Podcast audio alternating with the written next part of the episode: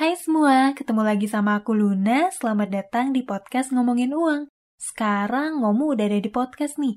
Jadi kamu bisa dengar dan belajar keuangan di sela-sela kesibukan kamu. Atau sekalian nemenin kamu sebelum kamu tidur. Oh iya, buat kamu gitu ya yang kepikiran pengen bikin podcast juga. Cobain deh, bikin podcastnya pakai Anchor. Jadi dengan upload di satu platform Anchor doang, rekaman podcast kamu tuh langsung terdistribusi ke Spotify, iTunes, Google Podcast, dan lain-lain.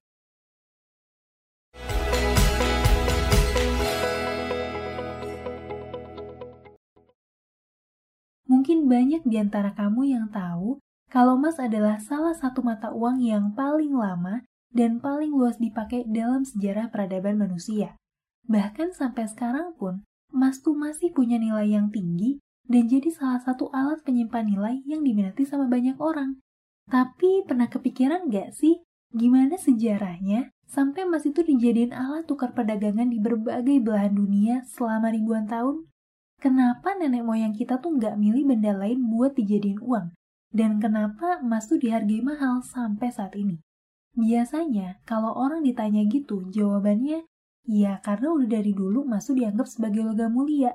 Atau ada juga yang bilang, ya karena emas tuh punya nilai intrinsiknya sendiri.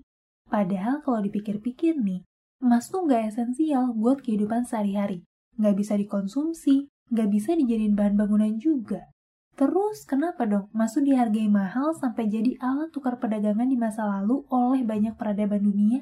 Dari bangsa Sumeria, Romawi, Jepang, Cina, India, sampai ke era kolonial Eropa dan Amerika?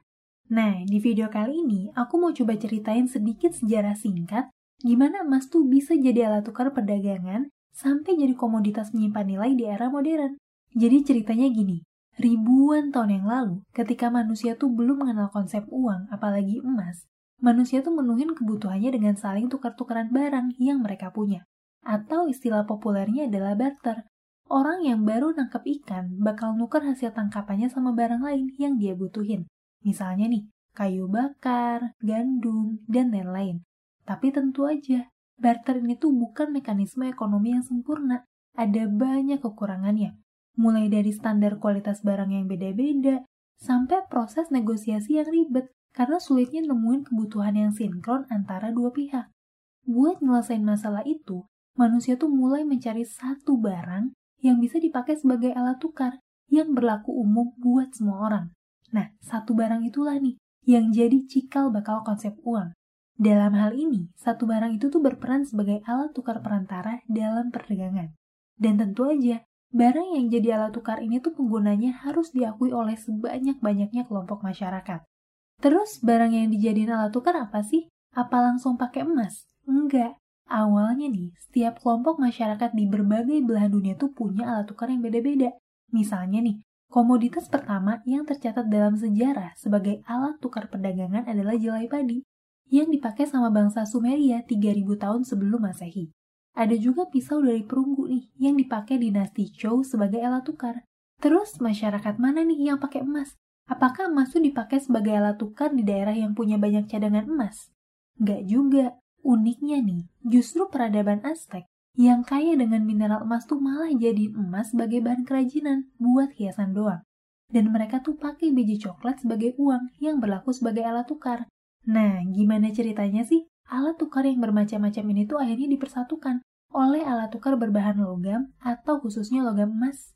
Jadi gini, dalam perkembangan sejarah alat tukar, manusia tuh berpikir nih, bahwa alat tukar yang mereka pakai sebelumnya tuh masih belum ideal buat jadi alat tukar yang universal buat semua pihak.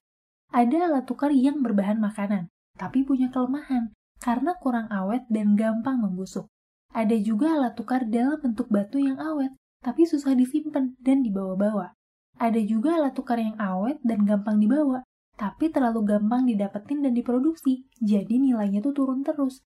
Di era kebudayaan logam, masyarakat tuh mulai berpikir, logam ini kayaknya cocok deh dipakai sebagai alat tukar yang praktis, karena logam itu cukup langka, awet, gak gampang rusak, dan cukup praktis buat dibawa-bawa.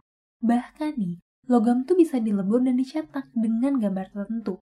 Makanya, uang logam ini tuh bisa jadi simbol atau identitas buat penguasa daerah tertentu.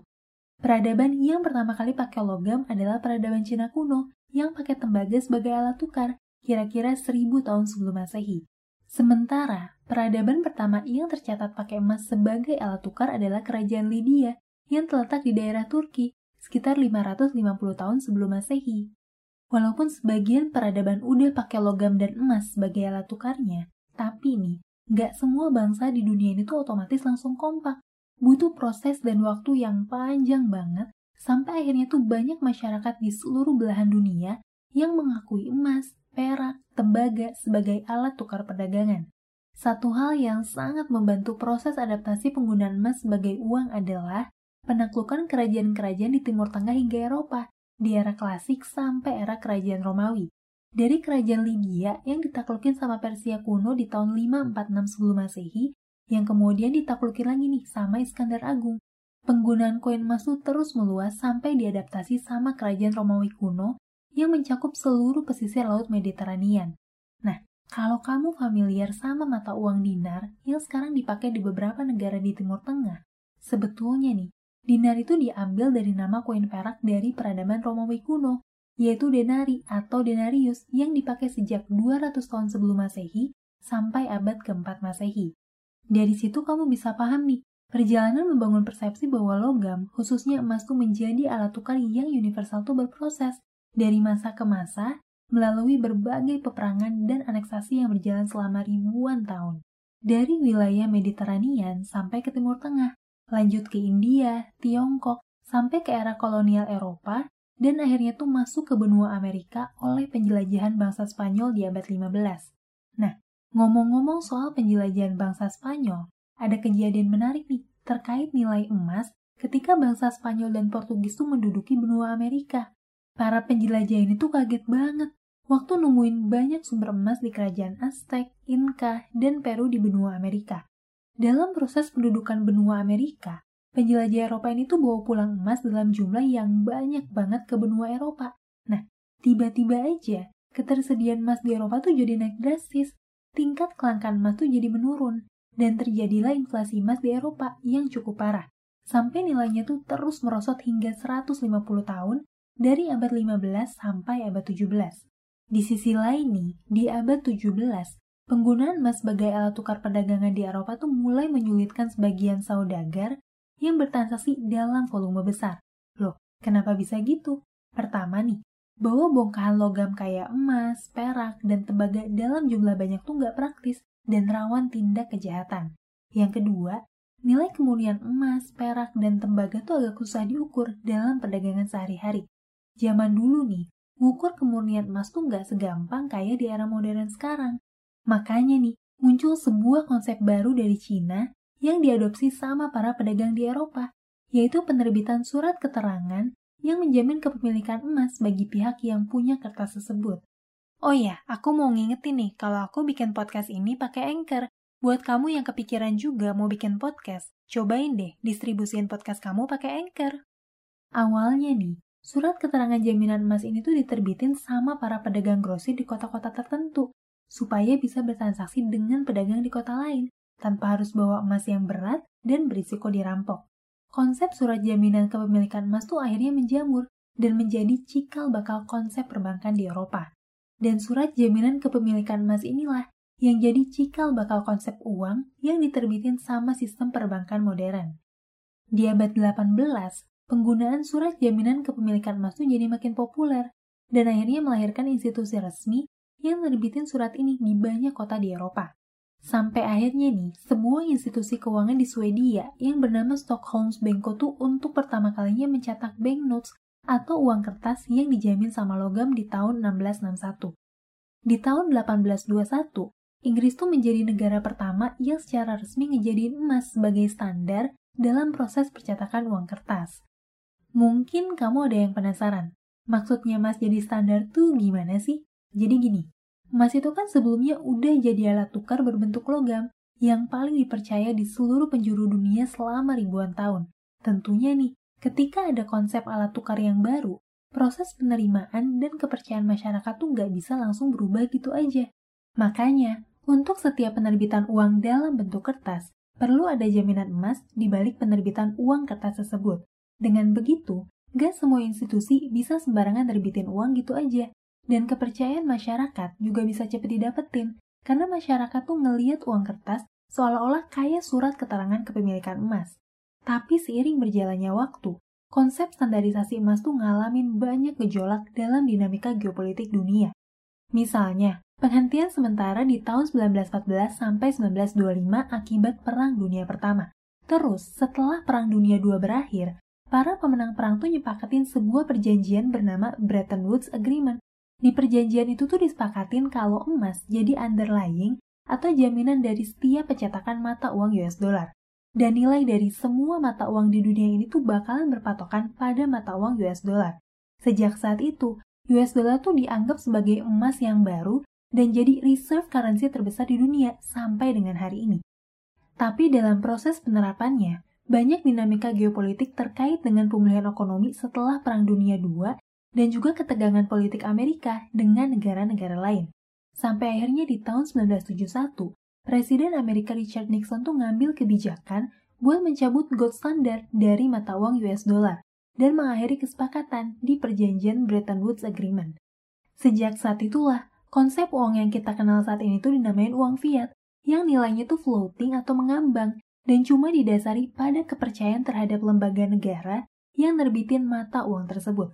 Nah, mungkin kamu penasaran, kenapa sih Presiden Nixon tuh mencabut standarisasi emas dalam percetakan US dollar? Terus terang aja, ada banyak banget dinamika geopolitik yang cukup kompleks dan gak bisa aku jelasin di video ini. Tapi salah satu alasan yang sering disebut adalah ketersediaan emas sebagai mata uang yang udah gak bisa mengimbangi tuntutan jumlah volume perdagangan di dunia. Dalam hal ini, jumlah emas yang ada di dunia ini tuh udah terlalu terbatas dan gak bisa lagi mengikuti percepatan pertumbuhan ekonomi dunia. Sebagai gambaran aja, kalau kita ngitung total emas yang beredar di dunia tahun 2020, nilainya tuh cuma sekitar 9 triliun US dollar. Mungkin kesannya itu tuh jumlah yang gede banget. Sekarang, berapa sih jumlah uang nominal yang beredar di dunia? Kalau semua uang yang ada di dunia ini tuh dijumlahin, di tahun 2020 ini, ada sekitar 37 triliun US dollar dalam bentuk uang kertas. Dan kalau uang dalam format digital ikut dihitung, maka jumlahnya tuh tembus 90 triliun US dollar. Dan jumlah ini tuh bakalan terus bertambah seiring dengan bertambahnya jumlah manusia, yang artinya semakin banyak juga kebutuhan transaksi dalam perdagangan. Itulah salah satu alasan kenapa standarisasi emas dalam percetakan mata uang tuh nggak dilanjutin lagi. Nah, tapi bukan berarti emas tuh udah nggak punya tempat lagi di dunia modern kayak sekarang. Karena biar gimana pun, emas tuh udah sangat melekat dalam peradaban manusia sebagai logam mulia yang dipakai dalam dunia perdagangan sejak ribuan tahun yang lalu. Menurut kamu sendiri, gimana sih penggunaan mata uang di masa depan? Apa bakal balik lagi ke emas? Atau manusia cuma bakal pakai uang digital doang? Kasih tau pendapat kamu di kolom komentar ya. Oke deh, segitu aja yang mau aku sampein. Mohon maaf banget kalau ada bagian penting yang kelewat, karena topik yang dibahas kali ini tuh cukup luas, dan kami harus rangkum informasi yang banyak dalam durasi yang gak terlalu panjang. Oh ya, buat kamu yang pengen nonton penjelasannya dengan lebih detail dalam format video, kamu bisa nonton di channel YouTube Ngomongin Uang. Kamu tinggal search aja nih video yang judulnya sama dengan podcast ini. Oke? Aku tunggu kamu di YouTube ya. Sampai ketemu lagi di podcast berikutnya. Tetap di podcast Ngomongin Uang. Karena ngomongin uang, gak ada habisnya.